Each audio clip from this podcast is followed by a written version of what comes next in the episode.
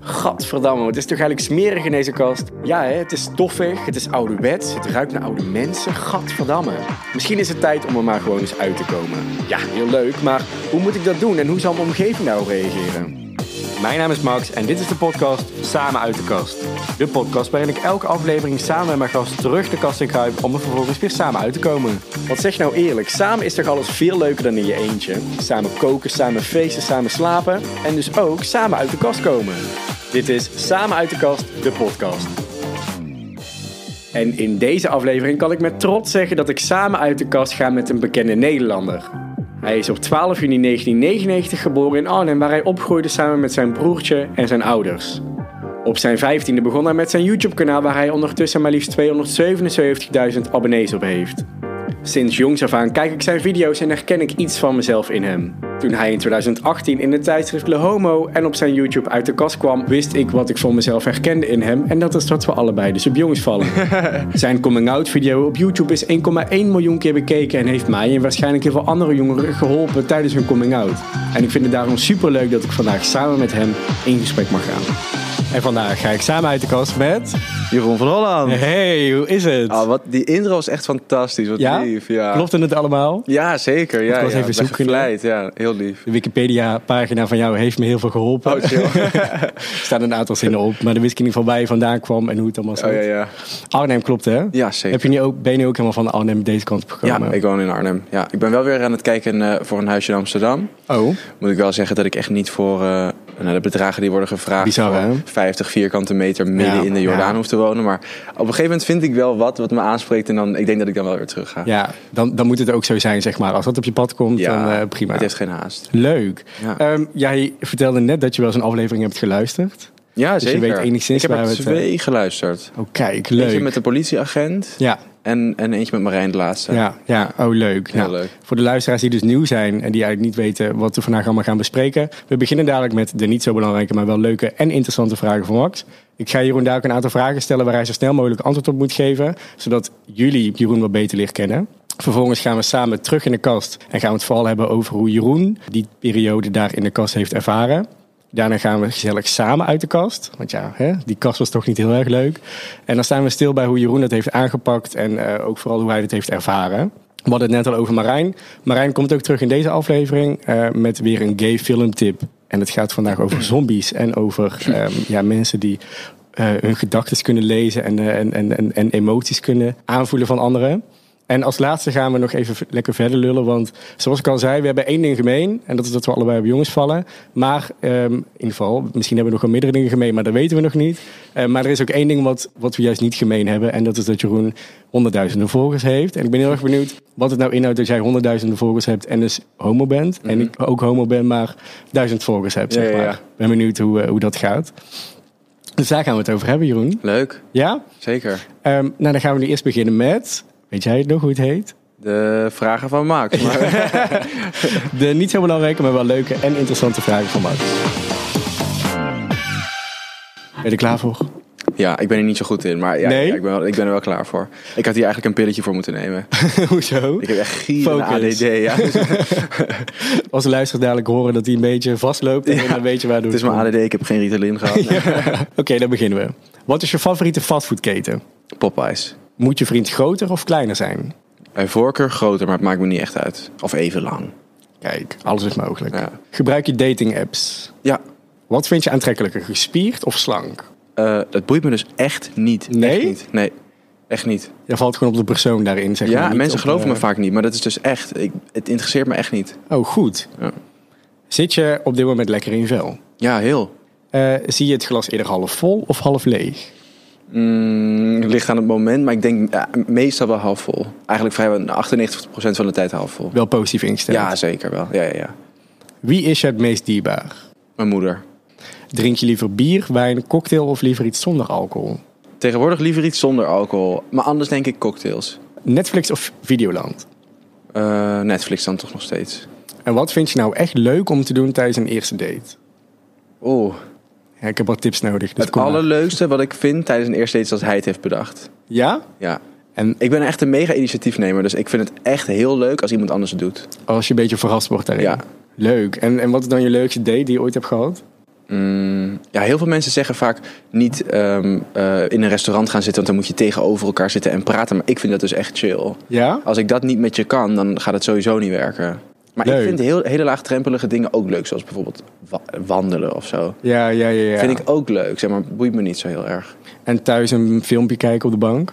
Dat doe ik liever niet, moet ik zeggen. Ja. Ik ga ja. wel liever weg van huis, denk ik. Ja, ja, dan wordt het alweer te low-key, weet je wel. Dan wordt het weer te nonchalant. Dan is de stap om zeg maar, verder te gaan alweer te makkelijk. Mhm. En dat doe ik liever niet. Ja, zeker niet op een eerste date al. Nee. We gaan nu terug in de kast. Kijk je daar een beetje tegenop? Nee, eigenlijk helemaal niet. Ik, ik vind het eigenlijk raar om te bedenken dat er ooit een tijd was dat ik het niet oké vond. Of dat ik het niet eh, accepteerde van mezelf. Ja. Die is er wel geweest, maar toen was ik heel jong. Ik denk dat bijna iedere, in ieder geval jongen die op jongens valt, dat waarschijnlijk wel heeft gehad dat je gewoon eh, bedenkt dat je waarschijnlijk later oud wordt en gewoon maar met een vrouw gaat en kinderen neemt en Ja. wat dan ook. ja. Die fase heb ik wel gehad, maar daar was ik heel snel eigenlijk wel overheen. Want wat was dan het eerste moment wanneer jij doorhad dat je dus op jongens viel? Kan je dat nog herinneren?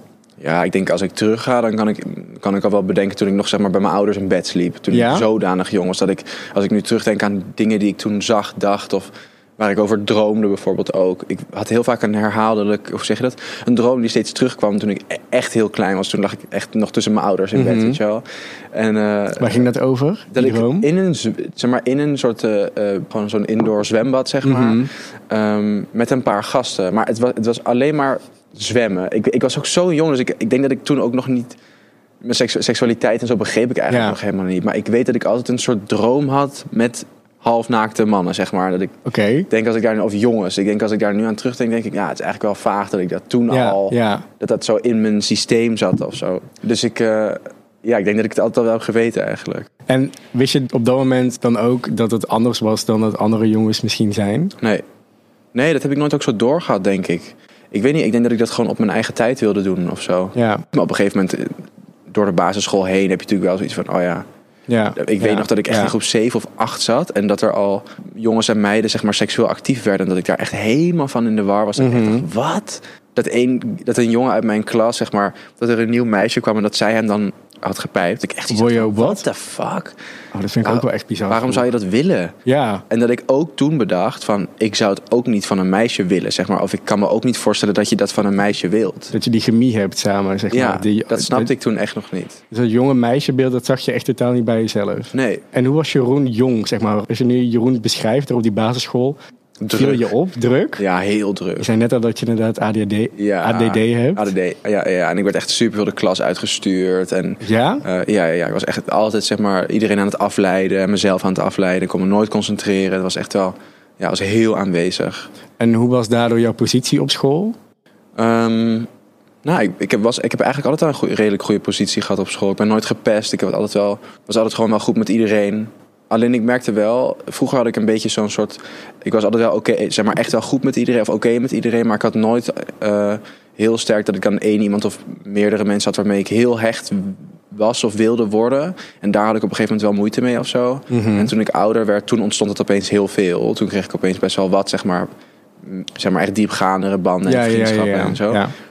Maar ik weet wel dat ik daar vroeger altijd wel heel erg behoefte aan had. Maar ik vond dat gewoon niet thuis of zo. Of niet in Arnhem. Ik heb pas toen ik YouTube-video's ging maken... en mensen leerde kennen die wat meer dachten zoals ik eigenlijk. Mhm. Ehm, en dezelfde interesses hadden en zo. Dat ik, dat ik me toen... Toen ben ik dat pas gaan ontwikkelen, zeg maar. ja. En rond welke leeftijd was dat? Ik denk rond mijn zestiende, 15, Ja. 16. Ja. Ik heb daarvoor wel echt wel vrienden gehad... die ik echt wel, waren echt wel mijn beste vrienden... die ik heel veel zag. En zeg maar, ik had dat wel. Maar ik weet niet waar ik vandaan kom. Ik heb nooit echt heel erg een mega verbinding gevoeld met Arnhem... of met de mensen in Arnhem per se. Ik vind het een hele fijne stad, zeg maar. Ja. En ik ben er ook eigenlijk wel heel graag. Maar meer in de zin van ook op mijn middelbare school of zo. Weet je, ik spreek niemand meer van mijn middelbare school. Nee, nee, nee. Dus echt pas vanaf het mbo... daar ben ik zeg maar pas weer mensen gaan leren kennen... die ik nu nog steeds spreek. Had je toen wel eens gevoelens gekregen voor een andere jongen? Op de middelbare school? Ja. zeker. Ja? Ik denk dat ik op de middelbare school voor het, de, ja, de eerste keer ervaar, gevoelens voor een jongen ervaarde. Ja, hoe ging dat? Nou, het was heel grappig. Ehm, ik hoop niet dat hij dit... Nou, hij mag het eigenlijk absoluut horen nu. Hij mag het weten ook. Maar ehm, eh, mijn, mijn buren en hun, hun kinderen, zeg maar... die zijn een beetje mijn leeftijd. ehm, zij hadden vrienden en de zoon van die vrienden, die ging zeg maar naar dezelfde middelbare school als ik. En ik kende hem eigenlijk nog helemaal niet, maar dat was onze enige link, zeg maar. En Mhm. eh, wij zijn toen eigenlijk ook echt wel hele goede vrienden geworden op die middelbare school. En ja, ik denk toch dat hij de eerste was waarvan ik echt zoiets had van... wow, eigenlijk vind ik jou wel echt een lekker ding. Ja, en sprak je veel met hem af? Ja, we zagen elkaar heel veel. Maar ik was altijd heel erg... ehm, ook met mijn eerste ervaring met een jongen, toen had ik die instelling nog steeds. Dat was ook eh, een van mijn beste vrienden eigenlijk. Ik was daar heel naïef over of zo. En heel terughoudend. Dus op zich wilde ik het wel. Zo van als het initiatief zou worden genomen, dan had ik het Mhm. gedaan. Maar ik had nooit het initiatief uit mezelf genomen. Nee. Ik had mezelf nooit in zo'n kwetsbare situatie willen plaatsen of zo. Hoe weet kwam wel. dat, dat jij in die zin terughoudend was? Ja, Bang om, bang om de eerste stap te zetten? Om, om, om de confrontatie aan te gaan met jezelf of met een ander? Ja, misschien. Terwijl ik eigenlijk helemaal niet... Ik ben best wel confrontatiegericht op zich. Dus ik Ja, heb daar niet per se moeite mee. Maar ik weet niet. Ik denk dan toch dat ik zoiets heb van... ehm, ja, het is te kwetsbaar of zo. Of dat Mhm. was het toen altijd. ja. Want voor hem is het misschien experimenteren, weet je wel. Maar ik ben dus gewoon gay. ja, ja, ja. Dus voor mij is het heel echt, weet je wel. En voor hem is het misschien zo van... Oh, ik stop met Ja, je ja. in een ander gat of zo. Maar... eh, voor mij was het zeg maar natuurlijk wel gewoon echt iets serieus. Dus dan, voor mij is die stap dan veel groter of zo. Mezelf zo kwetsbaar opstellen, dat doe ik eigenlijk sowieso bijna niet. Had je toen al jezelf een soort stempel gegeven van ik ben homo? Of had je totaal nog geen woord daaraan gegeven? Ja, dat weet ik dus niet meer zo goed. Ja, dat weet ik dus niet meer zo goed. Want ik kan me ook nog wel herinneren, dat is heel gek. Want ik, toen ik wat jonger was, twijfelde ik oprecht nog wel eens een beetje over mijn seksualiteit. Dat ik dacht van, nou, ik vind meiden soms ook wel leuk. Ja. En, Ehm. en, en, en op wat voor moment had je die twijfels? Ehm, ja, ik denk gewoon allemaal kleine momenten. Bijvoorbeeld als ik dan porno keek en ik keek bijvoorbeeld naar hetero-porno. Dat ik dacht Ja. dit vind ik eigenlijk ook wel Ja. nice of zo. Ja. En eh, dat als ik dan... Mij, op een of andere manier zaten meiden heel veel aan mij vroeger op de middelbare school. Dus dan vonden ze me schattig of gingen ze aan mijn haar zitten of zo. Dat soort dingen. En dat was niet per se altijd mm, seksueel, maar er was dan bijvoorbeeld wel één meisje waarvan ik wel dacht van ja, ik vind jou eigenlijk wel aantrekkelijk. En maar toen ik uit de kast kwam, heb ik dat heel erg eh, een soort van weggeschoven. Toen dacht ik gewoon van oké, ik ben gay. Ik had ook een relatie met Mhm. een jongen toen. Ik ben echt als gay, homo uit de kast gekomen, zeg maar. Dat heb ik ook jaren gehad dat ik echt dacht van oh nee, ik hoef niks te weten van vrouwen, weet je. Mhm. En ik heb nu opeens weer sinds een, sinds een tijd, sinds ik weer zeg maar, ik, iets volwassener ben geworden en wat best wel ben veranderd en, en eh, wat zelfverzekerder ben of zo Ja. best wel met wat, met wat vrouwen heb gezoend tijdens het uitgaan bijvoorbeeld. Dus Mhm. dat ik opeens toch weer dacht van, oh ja, ik weet, ik denk dat ik me eigenlijk helemaal niet per se, hoe zeg je dat, identificeer Nee, nee.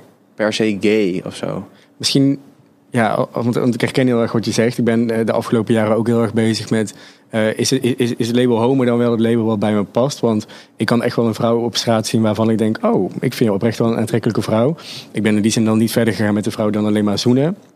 Ik zou het er verder ook niet weten. Maar ik, het voelt me ook een beetje... ehm, ik voel me ook een beetje beperkt als ik me het label homo geef. Alsof het dan niks ik dus meer daarbuiten... Ik, ik, ik, ik hou ervan om een beetje Ja. open-minded te zijn Ja.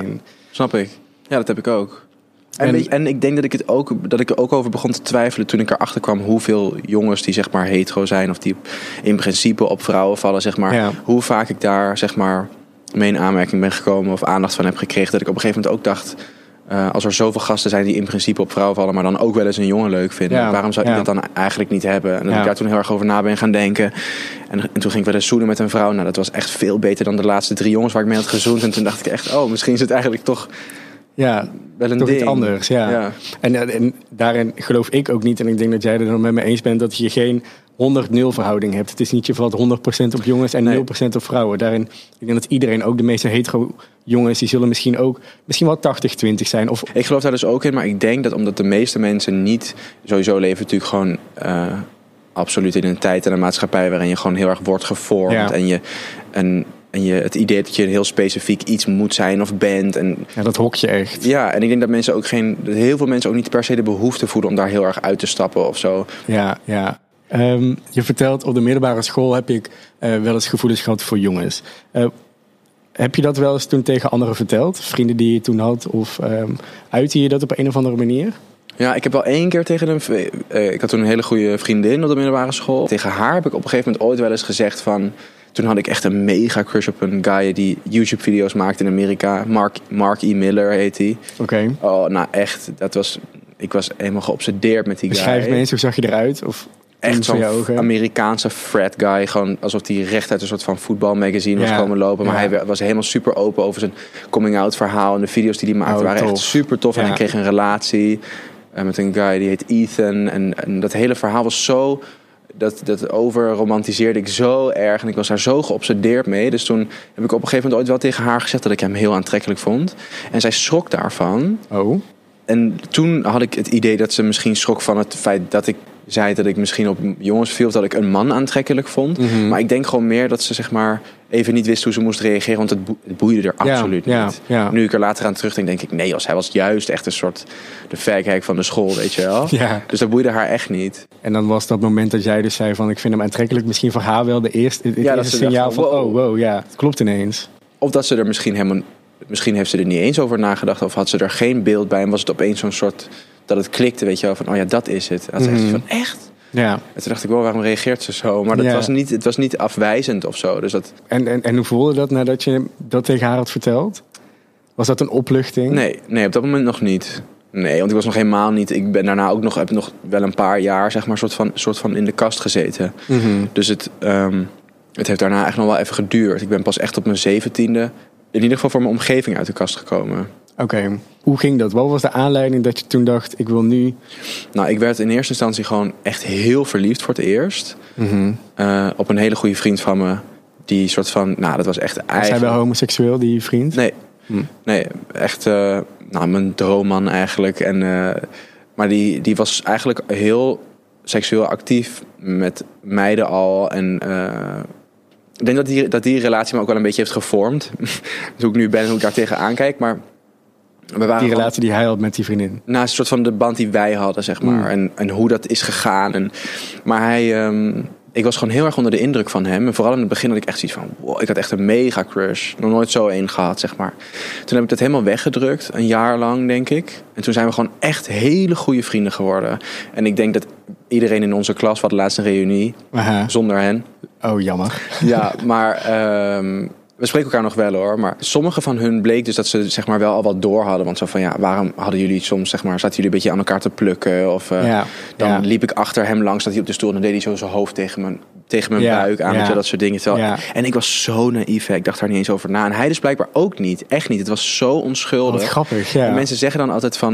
Ja, ik vind het eigenlijk zo jammer dat, ik, dat, dat homo's... dat je als homo nooit een soort eh, high school love story kunt hebben. of Ja. Maar die heb ik echt heel erg gehad. Ja. Ik ben er ook wel heel dankbaar voor of zo. Ervaarde je dat toen ook zo? Of, was het, of is dat nu Nee. dat je daarop terugkijkt dat je denkt, Nee. ik heb het wel zo Ja, ervaren? ja, ja. Nee, Het is echt terugkijken erop. Ik ben blij dat ik het toen niet door had. Want daardoor was het gewoon heel puur en ja, onschuldig. en, ja, want je voelt je dan ook niet anders. Het voelde voor jou gewoon Ja. natuurlijk op, En hij op die was manier. zo, ik vond hem zo stoer en zo zelfverzekerd. En altijd meiden op school in de gang over hem aan het praten. Weet je wel. Dan kwam hij op zijn skateboard langs. Oh, en dat was ja. echt, oh. Echt Amerika-vibes. Echt Ja, nu een echt- Netflix-film aan het, aan, ja, beschrijven Ik heb ook letterlijk wel eens tegen mensen gezegd van... oh, je zou hier eigenlijk zouden hier een script over moeten schrijven Ja. of zo. Want het is zo'n leuk verhaal.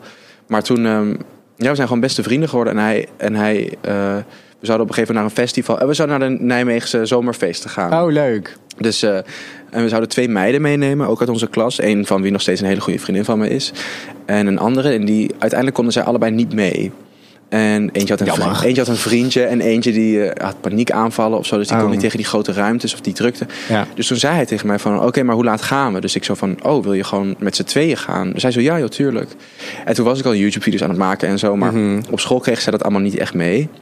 Dus ik ben samen met hem daarheen gaan. Hij deed het met zijn shirt uit daar, een biertje in zijn hand. Ik echt helemaal... maar ik Ik moet reed zeggen... helemaal weg op die op- dans. ja, maar op, op zich, eigenlijk, ik zag hem echt als mijn beste vriend. Ik seksualiseerde hem ook niet echt, weet je. Want ik, ik heb dat oprecht echt helemaal weggedrukt. Want ik dacht, het is gewoon een van mijn beste vrienden. En ik waardeer Mhm. deze band zo erg. Ja, het is gewoon een lekkere fan, maar, dat, Ja. maar verder boeit dat me niet. Ja. Maar toen waren we daar, waren we daar dus maar met z'n tweetjes. Maar op dat punt maakte ik dus al YouTube-video's, groeide het best wel hard.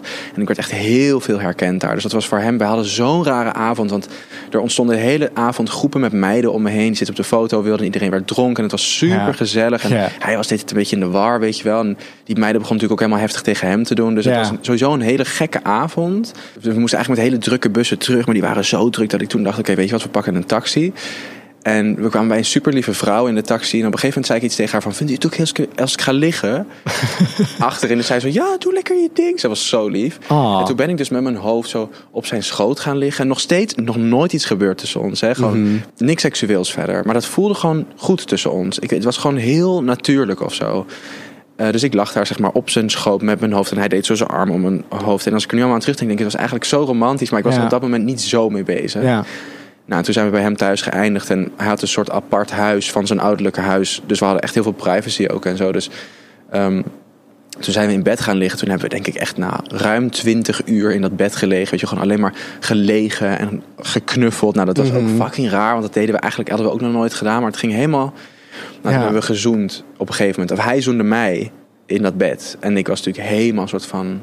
Ja, begrijp ik. Maar ik dacht echt dat ik dood ging, zeg maar. Mijn hart ramde echt helemaal door die, door vloer heen. ja. En ik vroeg het ook later nog aan hem van... had jij niet door dat ik gewoon helemaal kapot ging? Gewoon, Ja. Ik was zo zenuwachtig, want ik dacht straks wil hij dit niet. Terwijl hij tegen mij aan kwam liggen, weet je wel. Nou ja, en toen hebben we denk ik een jaar lang... eh, hebben we dat soort van gehad. Maar het was altijd heel open. We hebben nooit zeg maar een uitgesproken een relatie gehad of zo, weet je wel. Het was gewoon helemaal ontdekken. En Ja. Ja, het was echt eh, in dat opzicht, wat ik zeg, ik vind dat het heel erg eigenlijk om te horen dat, dat, dat jonge jongens dan echt denken van, eh, oh, ik kan dit kan niet niet, hebben, want ik ben gay. Dat is niet zo. Er zijn ook hetero's die dat niet hebben, Ja. die geen middelbare schoolliefde Ja, hebben, weet je wel. Dus het, ja, dat kan echt. Jongens, jullie horen het. Ja. het kan echt, inderdaad. Ja. En was dit dan de aanleiding waardoor je dus Sorry, uit de ja. kast bent gekomen? Dit- voor- heel nee, heerlijk. verhaal, Lekker juicy, I love it. Oké, nee, dit was dus wel op een gegeven moment. ehm, ik was gewoon, nou, ik moet wel zeggen, ik was echt trots dat ik hiermee zeg maar aan kon komen. Ja. Want ik dacht echt Ja. van, nou, dit is Hoe echt. chill is het om, te- om, om te zeggen dat je dus gelukkig bent met een jongen waar je ook echt heel gelukkig mee bent en dat Ja. dat je coming out is. Ja, ja, ja. Dus ik. ehm, nou, maar en ik vond hem ook gewoon zo sexy. Dus ik wilde gewoon aan iedereen vertellen dat ik met hem bezig was. ja. Heb ik niet gedaan hoor. Maar dat, ik, ik had gewoon zo echt iets van: ja, dit zou ik gewoon aan iedereen vertellen.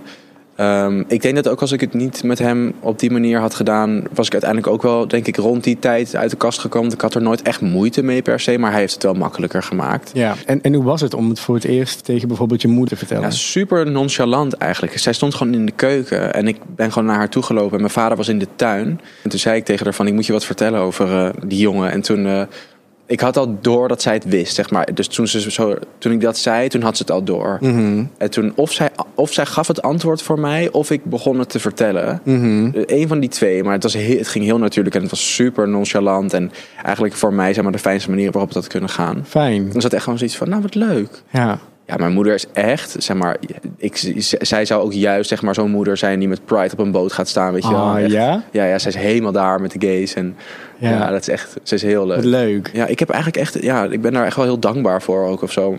Ik zou willen dat het normaal was, maar ik heb helemaal geen moeite gehad met mijn coming out. Dus dat is dan in je privéomgeving. Die wist dan- het eigenlijk al echt een jaar of twee, ander, of drie misschien zelfs al. Weet Ja. je, voordat ik online uit de kast kwam, wist Ja. mijn omgeving het echt al best wel een tijd. En hoe was dat? Want wist- Doodeng. Ja? Ja. Waar was je bang voor? Nou, toen ik, voordat ik uit de kast kwam, had ik het gevoel dat zeg maar, het grootste deel van mijn publiek waren meiden.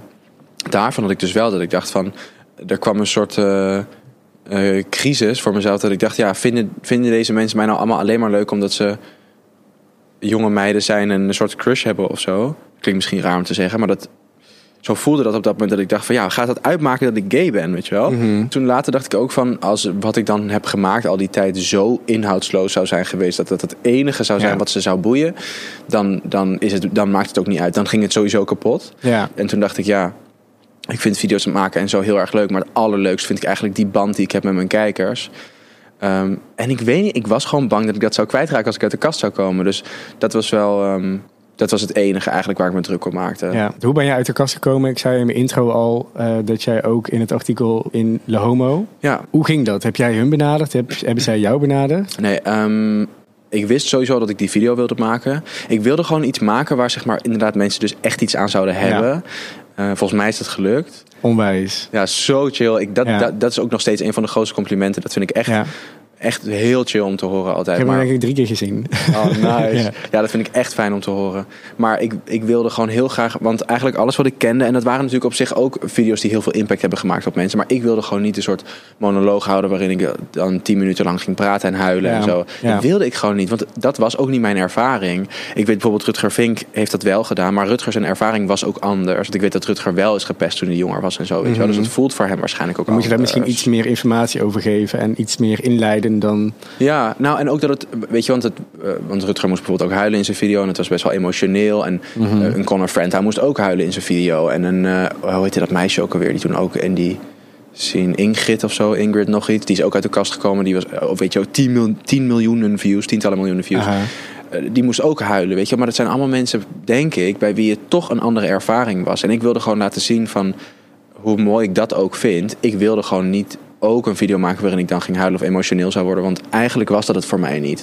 Voor mij was uh, mijn seksualiteit nooit echt iets wat me heel erg heeft tegengehouden. Of wat ik heel moeilijk vond. En zoals ik zei, ook zo dat eerste dat verhaal van mijn eerste liefde. Dat, dat is zo'n fijn verhaal. Dat ik denk, Ja. zo voelde mijn seksualiteit eigenlijk sowieso wel voor me. Dus dat wilde ik met die video heel graag bereiken. En ik wilde gewoon mensen heel bewust laten zien van ook hoe mijn vrienden reageerden. Weet je, die zit er ook in en mijn vader. En dus ik had het van tevoren helemaal niet door, want dat stukje met mijn vader was voor mij helemaal niet emotioneel. Maar dat mensen later echt steeds naar me toe kwamen en zeiden: Mhm. Ja. Ik moest huilen bij je vader. Ja. En dat ik me later pas realiseerde, toen ik terug ging kijken, dat ik Ja. dacht: Oh, ik snap waarom mensen dit Ja. waarschijnlijk emotioneel vinden. En ik vind het erg mooi wat jij met die video hebt bereikt waarschijnlijk. Want ehm, ook als ik naar mezelf kijk, je bent altijd bang voor de reactie van je omgeving. En jij hebt eigenlijk laten zien door middel van die video dat de reactie van jouw omgeving zo positief is. En ik denk dat dat de grootste angst is van iedereen als ze uit de kast komen. Dat Denk mensen het niet zouden accepteren. En, en ik wilde ook graag los van bijvoorbeeld eh, eh, kijkers die, die het zouden zien en uit de kast moesten komen nog of wat dan ook. Maar ook, ik heb ook best wel veel ouders gehad die erover naar me toe zijn gekomen naar een heel positief verhaal of had dat ik dacht, ik, ik wil ook dat een, dat een of andere eh, vader, bekrompen vader, Mhm. mijn vader op zijn Harley Davidson ziet zitten met zijn tattoos en weet ik veel. En dan hoort hoe mijn vader reageert. Ja. als een echte vent Ja. in plaats van een of ander watje die zijn kind niet accepteert. Echt Ja. belachelijk. Dus eh, ja, en ik, dus, dus, dus dat voor mij wel los van mijn persoonlijke verhaal echt een doel achter die video. Ehm, en los daarvan wilde ik het eigenlijk ook buiten mijn publiek eigenlijk graag soort van dat ik dacht, oké, hoe ga ik dit ehm, een groter bereik geven? Ja, hoe, ja. ehm, en ik was er eigenlijk nog helemaal niet mee bezig geweest, maar mijn toenmalige manager, die was volgens mij best wel goed bevriend met de eindproduce, de eindredacteur Ja. van de Lomo op dat moment. En zij heeft toen aan hem verteld van, hey, eh, Jeroen van Holland, Jeroen van Holland wil uit de kast komen en zouden jullie het niet leuk vinden om, of is het een mogelijkheid? En hij was volgens mij gelijk helemaal soort van, ja, wat leuk. bla, bla. Mhm. Dus toen hadden we zoiets van, oké, we gaan het gewoon zo plannen dat die video en de Lomo Ja, op mooi. dezelfde dag, Ja. of in dezelfde week ongeveer, of Ja. veel. Het was een hele rare tijd, want ik had dus al een vriend, Mhm. mijn ex nu. En eh, ik was dus helemaal verliefd en, ik, en alles ging eigenlijk super goed. En de Lomo kwam uit, dus ik ging naar de release party van de Lomo. Eh, die kwam dus uit. Dat werd blijkbaar op Twitter gezet. Dat wist ik dus niet. Dus ik kreeg opeens allemaal reacties van... Wow, Jeroen, wat is dit? Whatever. Ehm, en ik kan me het dus niet meer goed herinneren. Het is bijna een beetje een waas. Maar ik weet dus nog dat ik... Ik was op de Dutch YouTube Gathering toen dat nog bestond. En ik had net mijn laatste meet and greet gehad. En het was echt een kwartier voor vier of zo. Weet je, kwart voor vier. En om vier uur kwam mijn coming out video Oh. online. Dus ik was echt tering zenuwachtig. Ja, begrijp ik. Dus alles bij elkaar met de Lomo en mijn video en zo. Al die dingen bij elkaar was zoveel. Maar ik ben echt super blij met hoe dat is gegaan. hoe het- En in hoe de ochtend kwam toen eigenlijk al, werd toen eigenlijk al bekendgemaakt dat jij in de homo stond. Ja, volgens mij was dat diezelfde... Maar dat weet ik dus niet meer zeker. Maar volgens mij was dat dezelfde dag of de dag Oh. daarna of weet ik veel. Dus dat was allemaal heel erg soort van... Wat moest natuurlijk allemaal gepland worden wanneer die Lomo uitkwam. Dat die video dan niet, zeg maar... Dat, dat de Lomo niet tussen die video zou komen en zo. Ja. Mooi hoe je het zo allemaal beschrijft en fijn dat het eh, zo is uitgepakt. En dat het doel van jouw coming-out video uiteindelijk ook zo... eh, Ja, ik heb hier nog nooit over zijn. gepraat, besef ik me nu opeens. Na mijn coming out heb ik gewoon nooit dit gesprek ooit gehad. En, wat, en hoe vind je het om het nu hierover te Ja, hebben? leuk. Ik vind het leuk Ja? om er naar terug te kijken. Ja. Ook over die video bijvoorbeeld en zo. Dat ik me nu bedenk van, oh ja, mijn omgeving weet natuurlijk wel bijvoorbeeld wat mijn intentie met die video was. Bla bla. Maar dat heb ik nooit verder eh, online echt besproken Ja. of zo. Ja. Ik vind het wel leuk om hierover te praten, ja. Ehm, er is altijd één vraag die ik terug laat komen in elke aflevering. En dat is of jij het tegenwoordig eigenlijk nog wel nodig vindt dat eh, mensen uit de kast moeten komen. Ehm, ja, dat vind ik heel moeilijk. Ik vind ook vaak... eh, ik, eh, ik vind dat mensen zoveel vinden of zo. Mhm. Weet je, want waarom moet er besloten worden of een coming-out nog nodig is? Als dat voor jou nodig is, dan moet je het doen. Ja, En ik denk ook dat het voor mij niet. Het is voor mij altijd iets positiefs geweest. Dus voor mij heeft uit de kast komen niet als iets heftigs of negatiefs gevoeld. Maar ik kan me wel voorstellen dat voor mensen die het heel moeilijk hebben. of wiens ouders het misschien niet accepteren. Mhm. Of, eh, daarom zeg ik, ik vond dat verhaal van Marijn echt heel moeilijk. En ik vind Ja. dat. Ja, ik, weet je, want je zegt. eh, Mensen zeggen dan wel van ja, oh ja we, we accepteren een soort van. We accepteren een soort van, eigenlijk niet, maar een soort van dat je het bent als je het maar niet praktiseert of met een vriendje thuis komt. Ja. Of, dus je, we zeggen wel dat het oké is, maar eigenlijk eigenlijk niet. alles wat erbij Ja. komt kijken mag je hier niet doen of willen we dat je niet doet. Ik vind het echt afschuwelijk. Dus uit de kast komen. Je je vindt het lastig om daar iets over te vinden, want iedereen is daar vrij in. Ja, het is zo persoonlijk. Ja. Het is gewoon een moreel iets, denk ik ook. Ja. Als jij dat nodig vindt of, of, of Ja. hebt, dan dat vind ik hetzelfde met mensen die dan zeggen van ja, de pride is toch niet meer nodig. Maar dan denk ik, ja, Dat vind ik dan weer wel. Ja. ja. Ik denk, ja, e- één keer in het jaar. ja. Waar maak Ja. jij je druk om? Ja, inderdaad. Oké, ja. Mee eens. Eh, een andere vraag die ik altijd stel is ehm, of jij een tip hebt voor Jeroen die toen heel erg klein was. Ja, dat vind ik moeilijk. Deze vraag kreeg ik eerder, vorige week of zo. Toen zei ik ook al iets van... eh, ik weet niet of ik een tip... Ik denk dat ik gewoon letterlijk zou zeggen... ga lekker door met wat Ja, je doet. Je doet het goed. Ja, want eh, je komt er allemaal later wel achter of zo. Vroeger heb ik bijvoorbeeld heel erg tegen dingen proberen te vechten, weet je wel, in mezelf. Dat ik Mhm. eh, altijd, maar soms is het gewoon nog niet die tijd. Soms moet je gewoon ergens doorheen. Ja. Of soms zit je op, een, op de plek waar je gewoon op dat moment even moet zijn. Je leert er ook van. Dus ik denk, ja, ik denk, En- dus in dat opzicht denk ik gewoon, gewoon lekker doorgaan met wat je doet. Het komt wel goed. En alles wat je in die jonge tijd hebt meegemaakt, ehm, heeft me gemaakt tot hoe ik nu ben Precies. uiteindelijk. Jij zei ook eh, toen ik eh, die vraag aan je stelde van zit je lekker in je vel, antwoordde je met volle overtuiging ja. Mhm. Dus wat je het verleden jou heeft gebracht, daar ben je hartstikke blij mee. Dus Ja. je zou niet willen dat dat verleden wordt aangepast, want dan heb jij misschien ook een hele andere Ja. eh, ik nu. Ja. Ja, want dat zou moeten betekenen dat er nu iets niet goed is, waardoor je in het verleden iets had moet, zou moeten veranderen, weet je wel. Ik denk, ja, het komt uiteindelijk goed. Ja, mooi. Ehm, dan is het nu tijd voor de gay filmtip van Marijn. Hey Jeroen en Max, Marijn hier met de filmtip van deze week. Ja, deze week is het eigenlijk een beetje een bijzondere week. Ik heb namelijk twee tips voor jullie en het zijn allebei geen films. Eh, dus tot zover het format. Nee, ik moet het met jullie even hebben over aflevering 3 van de HBO Max-serie The Last of Us. Ik ging er onvoorbereid in, zonder zakdoekjes en zonder tissues. Nou, dat heb ik geweten. Ik was een eh, emotioneel wrak erna. En eh, ik moest flink uithuilen bij mijn vriend. Maar goed. Ehm, de serie Last of Us gaat eigenlijk over een zombie outbreak. Door middel van een, eh, van een schimmel. Nou heb ik persoonlijk niks met zombies. Maar aflevering 3 focust zich eigenlijk helemaal op het achtergrondverhaal van een personage wat je tegenkomt. Wat Joel en Ellie samen tegenkomen, namelijk eh, Bill. En Bill en Frank, zonder al te veel te spoilen, komen bij elkaar in aflevering 3. En je wordt eigenlijk meegenomen in hun relatie te midden van een dystopische samenleving. En ehm, my god, fantastisch. Echt heel mooi in beeld gebracht. Emotioneel. Het raakt je aan alle kanten. Muziek, geluid, alles. Echt subliem. Je hoeft zelfs, als je echt niet van zombies houdt, aflevering 1 en 2 niet te kijken. Maar de serie is het echt wel waard. Dus ik zou lekker aflevering 1 en 2 kijken. Een pauze nemen. Tissues klaarzetten. En aflevering 3 gaan kijken. Ehm, dit was mijn bonus tip van de week. Dan eh, over naar mijn echte tip van de week. En dat is de serie Sense 8. Een serie op Netflix. Volgens mij uit 2018, als ik het goed heb. Ja, de serie gaat eigenlijk over acht eh, verschillende mensen van over de hele wereld. Van wie de gedachten en emoties plotseling met elkaar gelinkt zijn. Dus ja, ze delen opeens alles met elkaar. Hun ervaringen, kennis, vaardigheden. En ja, hier gaan ze mee moeten dealen en, en uitzoeken wat het precies inhoudt. En he, telepathisch verbonden met andere mensen, wat? Nou, dat gaan ze helemaal uitzoeken. Wat de serie zo mooi maakt, zijn de eh, inclusieve verhaallijnen rondom eh, de LGBTQ-personages.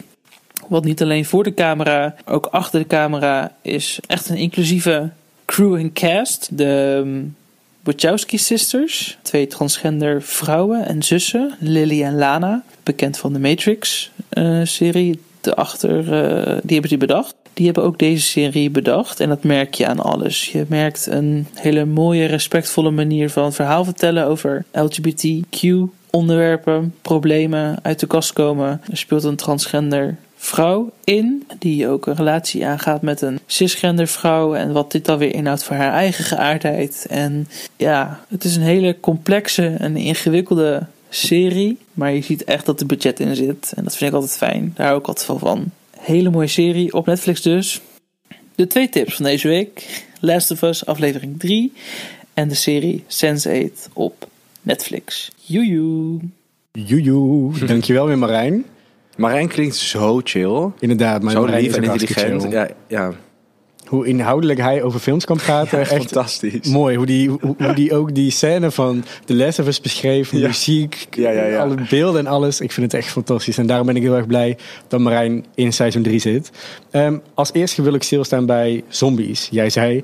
Ik ben ehm, gek op zombies. Ja, Ja, echt. Ik keek al heel jong The Walking Dead. En iedere mogelijke zombie horrorfilm gezien die er is. En ja, ik ben gek op zombies. wat fascineert je zo over zombies? Ik weet het niet. Vroeger was ik bang voor zombies. Ja? En ja, dat ik echt dacht, wow, stel dat dat ooit zou gebeuren. Ja, ja. Maar ehm, nee, ik hou gewoon... Ik vind het eh, gewoon het idee ervan dat de wereld zo helemaal naar de kloot gaat. Weet je wel. Ik, ik vind het gewoon iets hebben. ja. Wat zou jij doen als er een zombie-apocalypse uit zou breken? Ah, Ik, eh, ik weet het niet zo goed, want ik weet niet hoe lang ik daarin zou willen leven. Oké. Dus ik denk dat ik het zou blijven. Ik denk dat ik, me, dat ik er helemaal voor zou gaan. Totdat ik er zin in heb. En Ja. dan zou ik me gewoon een keer laten gebeten worden of zo, weet je wel. Ja, ja, ja, ja. ja. Gewoon echt een vette. Maar ik hoef niet zo'n hele dystopische soort. eh, eh, hoe heet dat Nederlands programma ook weer? Dat ze allemaal met elkaar zitten opgesloten. Big Brother, Utopia, weet ik. Utopia. Ja, ik hoef niet ja, een soort ja. utopia of zo. Nee, nee, nee. Dan zou ik er gelijk klaar mee zijn. Dan gaat het weer de verkeerde Allemaal kant op. verschillende soort mensen. En dan zit je met, met Ja. in, in fucking een gebied, omdat er de rest zijn Ja. allemaal eh, zombies. Nee hoor, dat hoeft niet. Dan Dus laat jij je ik maar snel gebeten worden. Ja, dan stop ik ermee. Oké. Ehm, eh, hij had het ook over Sense8. Het is een eh, serie waar eh, mensen dus elkaars gedachten en ook elkaars vaardigheden overnemen. Van wie zou jij een gedachte willen lezen? Oh, moet ik, zit ik even te moet ik denken, bedenken wie ik interessant genoeg vind of zo. Zou ik wel een. ehm, Oh, ik weet wel. Eh, eh, Jacob Rothschild, als ik het goed uitspreek. Die zitten in de, in de bankenindustrie, zeg maar. Ja. Ik, denk dat hij- ik denk dat er niemand in de wereld is die meer geheimen over de wereld weet Ja. dan hij. Ja. En meer macht heeft en zo. Dus ik, ik zou wel willen weten wat er in zijn hoofd zit. Inderdaad, zo iemand die heel veel macht heeft. En Ja, dat vind ik bijvoorbeeld iemand, bijvoorbeeld Thierry Baudet of zo. Ik ben zo benieuwd wat er door zijn hoofd heen gaat. Door sommige uitspraken te doen en alles. Dat zou ik ook heel graag willen weten. Of het allemaal een grapje is. Of dat het allemaal wel echt, dat, dat zijn hoofd echt zo in elkaar zit. En een vaardigheid is een vaardigheid die jij heel graag zou willen. Ja, jeetje. Ja, je bent hartstikke talentvol natuurlijk. hè. Dus wat heb ik Ja, nu moet ik het in één keer goed zeggen. Hoe zeg je het nou? In, inge- ingenieur? In, Ingenieur, ja. Zoiets. We hadden het over Elon Musk en inderdaad zo van... ik zou willen kunnen bedenken dat ik Ja. een breinchip zou kunnen ontwerpen. Of Oh mijn god. dat soort dingen. Dat vind ik echt vet. En dan ook het geld van Elon Musk. En dan gewoon fucking lijpe dingen doen. Gewoon heel de, heel de macht hebben van, van iedereen. Oké, zo doen we dus de filmtip van Marijn. Dankjewel weer Marijn. Sense 8 is trouwens echt Oh fantastisch. Echt fucking goed. Dit heb ik gekeken toen ik op het mbo zat. Ja, Een paar jaar geleden. was echt bizar goed. Een van de tofste series die ik ooit heb gezien. Al helemaal in de zin dat het slaat op de LGBT ook voor een heel groot deel. Maar Ja. gewoon sowieso. Al viel Dat- mij het niet op. Ik heb heel veel series waarvan ik denk, oh ja, dit komt heel erg naar voren inderdaad. dat- Mm. Die gay personages. Oh, ik vond wel dat er gewoon zeg maar echt gewoon grote gespierde mannen ja? met elkaar aan het zoenen waren en zo. Oh, dan ga ik hem even opnieuw kijken. Denk ja, ik. en er is op een gegeven moment een grote orgie met iedereen je? en eraan. Ja. Oké. Dus het is echt best wel gay. Jongens, kijk hem dus vooral. Hij is echt de moeite Ik waard. kan, ik heb zo, want ik hoorde jullie praten over, over gay films en zo. En over, je, over hoe je jeugd dat ook een beetje kan vormen en zo. Ja. Hoeveel invloed dat heeft. Daar ben ik het helemaal mee eens. Ik vind bijvoorbeeld ook jongens en ehm eh Call Me By Your. Name natuurlijk Ja. uiteraard. Ja. Ik weet nog dat ik jongens had gezien. Dat ik een paar weken of maanden later zag ik Gijs Blom ooit voor Oh. het eerst in het echt op een kantoor waar ik ook iets moest doen. En ik kon gewoon mijn ogen ook niet van hem afhouden. Het was toen ook zo'n lekker ding. Ja. Maar ik kan er dus nu niet meer naar kijken. Naar Nee? gay series en films en dat Hoe soort dingen. het? Ik, ik kan het gewoon niet aan. Ik merk dat ik emotioneel, dat ik, dat ik mezelf er tegen bescherm. Omdat ik gewoon, het heeft echt veel invloed op me emotioneel. Als ik echt een triest verhaal zie. Dus ik heb bijvoorbeeld Heartbreaker, Mhm. hoe heet het nou? Hartstopper. Eh, Hartstoppers, ja. Heb ik dan wel gezien, want dat is gewoon heel schattig en positief. Ja, en het is ja. een happy ending, whatever. Dat vond ik heel Ja. schattig en leuk. Maar jij ik, Young Royals gekeken dan? Oh, dat heb ik wel ook gekeken. Dat vind ik ook echt ja, fucking leuk. ja. Maar dat is ook allemaal wat luchtiger, weet je wel. Maar ik, er zijn nog steeds bijvoorbeeld hele bekende films, Moonlight en zo, dat soort Mhm. dingen. Die heb ik gewoon niet gezien, omdat ik, eh, ik durf het letterlijk niet te kijken. Omdat ik gewoon niet... heel beladen. Ik wil niet op die plek weer terechtkomen of zo emotioneel. Ik Er is nu ook een nieuwe eh, serie of een film op eh, HBO, geloof ik. Nee, op Prime. Eh, van Harry Styles, die eh ja, The oh ja, ja, die kan ik dus, die durf Nee, ik niet aan te begrijp ik. Ja, begrijp ik. Want het is heel emotioneel, of Ja, niet? ja, ja, ja, ja. En ik hou daar eigenlijk wel van. Maar ik vind het zo lastig om een, gay, ver- een moeilijk gay verhaal te zien. Ik weet niet wat dat is. Misschien eh, omdat je je daar meer in kan inleven. Ja. Meer in kan inleven Ik vind het te triest of zo. Ja, ja, ja. ja. Ehm, Sense 8, kijk hem dus. Ja, zeker.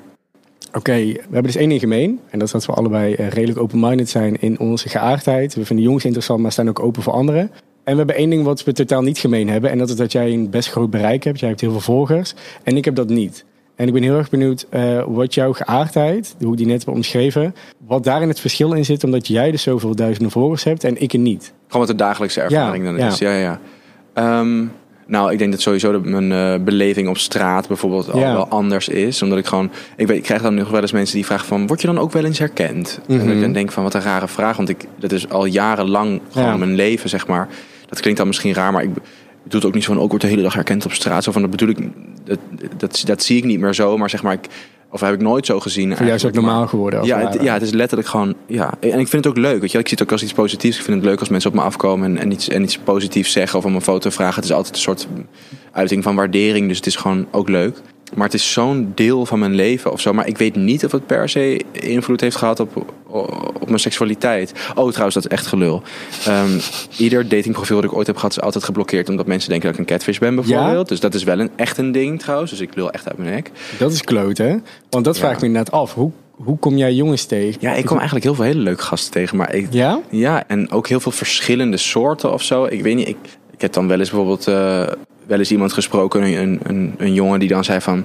Die had heel specifiek bijvoorbeeld een type van... Ja, ik val echt op hele mannelijke jongens, maar die kom ik eigenlijk nooit tegen. Want die zijn er helemaal niet. En toen dacht ik echt, hè? Ik zei, nou, ik geef ja. je wel een lijstje hoor. Ja. Maar, ook, maar ook zeg maar, ik weet niet, ik ontmoet altijd heel veel verschillende types en, en, en gasten en whatever. En ik, los van dat ik dan dus bijvoorbeeld moeite heb met um, dating apps gebruiken, omdat mm -hmm. ik gewoon word geblokkeerd letterlijk. Ik moet dan gewoon echt mailen zeg maar, naar het Amerikaanse kantoor van jongens, ik ben weer geblokkeerd, want iemand heeft me weer. Er zijn weer honderd ja. mensen die me hebben aangegeven als uh, catfish. En hoe komt dat dan? Die hebben dan geen match met jou of die, of die zien jou en die denken dit kan niet waar wordt zijn. gewoon gerapporteerd, ja. Ja, dus jij komt ze eigenlijk gewoon via via tegen, dan zeg maar meer in je, meer in je uh, ja, via leven, niet Instagram op het, ja. of via zeg maar ja, maar ik, ja, maar dat dan ook ja Instagram? Ja, ja zeker, ja ja. En um, ik heb ook wel eens van wel eens dan bijvoorbeeld een grinder profiel gehad en mijn foto erop geplaatst. Nou, dan kreeg ik echt een lading over me heen. Gewoon mensen die worden, werden gewoon ook echt, of gasten die gewoon me echt uitscholden of boos werden, weet je, omdat ze echt zoiets hadden gebruik je eigen fucking foto's. Ja, en ja, zo. ja. Echt, wow. En op een gegeven moment werd het profiel geblokkeerd en dan is blijkbaar je telefoonnummer ook geblokkeerd. Ja. Dan is het gewoon eindspel. Ja. Um, en met Tinder kun je dan natuurlijk nu wel gewoon je verifiëren. Dus dan is het Klopt. soort van, dan weet ze gewoon dat jij het bent. Uh, maar daar werd ik ook altijd op geblokkeerd. Ja. Zo vervelend. Ja. Maar ik deed eigenlijk best wel, niet, ik deed niet heel veel. En ik ben ook wel echt heel ingewikkeld met daten. Maar ik vind daten ook wel echt leuk. Ja, niet gewoon nieuwe mensen leren kennen. en Dat vind ik leuk. Ja, dus ik lig ja. echt absoluut niet bij Jan en Alleman in bed. Want ik ben daar nooit echt van geweest eigenlijk. Ja. Maar um, ik vind het inderdaad wel echt leuk om nieuwe mensen te ontmoeten. Ik heb bijvoorbeeld nu ook wel eigenlijk nog vrienden die ik zeg maar ken omdat ik ooit mensen heb gedate. Weet je wel? Dan was het echt duidelijk van nou dit gaat echt absoluut Ja. niks worden. Maar het Ja. was wel echt zo gezellig. Dat zijn meestal wel de leukste vriendschappen, vind ik altijd. Want je hebt een aantal dingen meegemaakt met elkaar en je hebt Ja. heel veel overeenkomsten. En je zit toch, een je zit toch op een bepaald level met elkaar.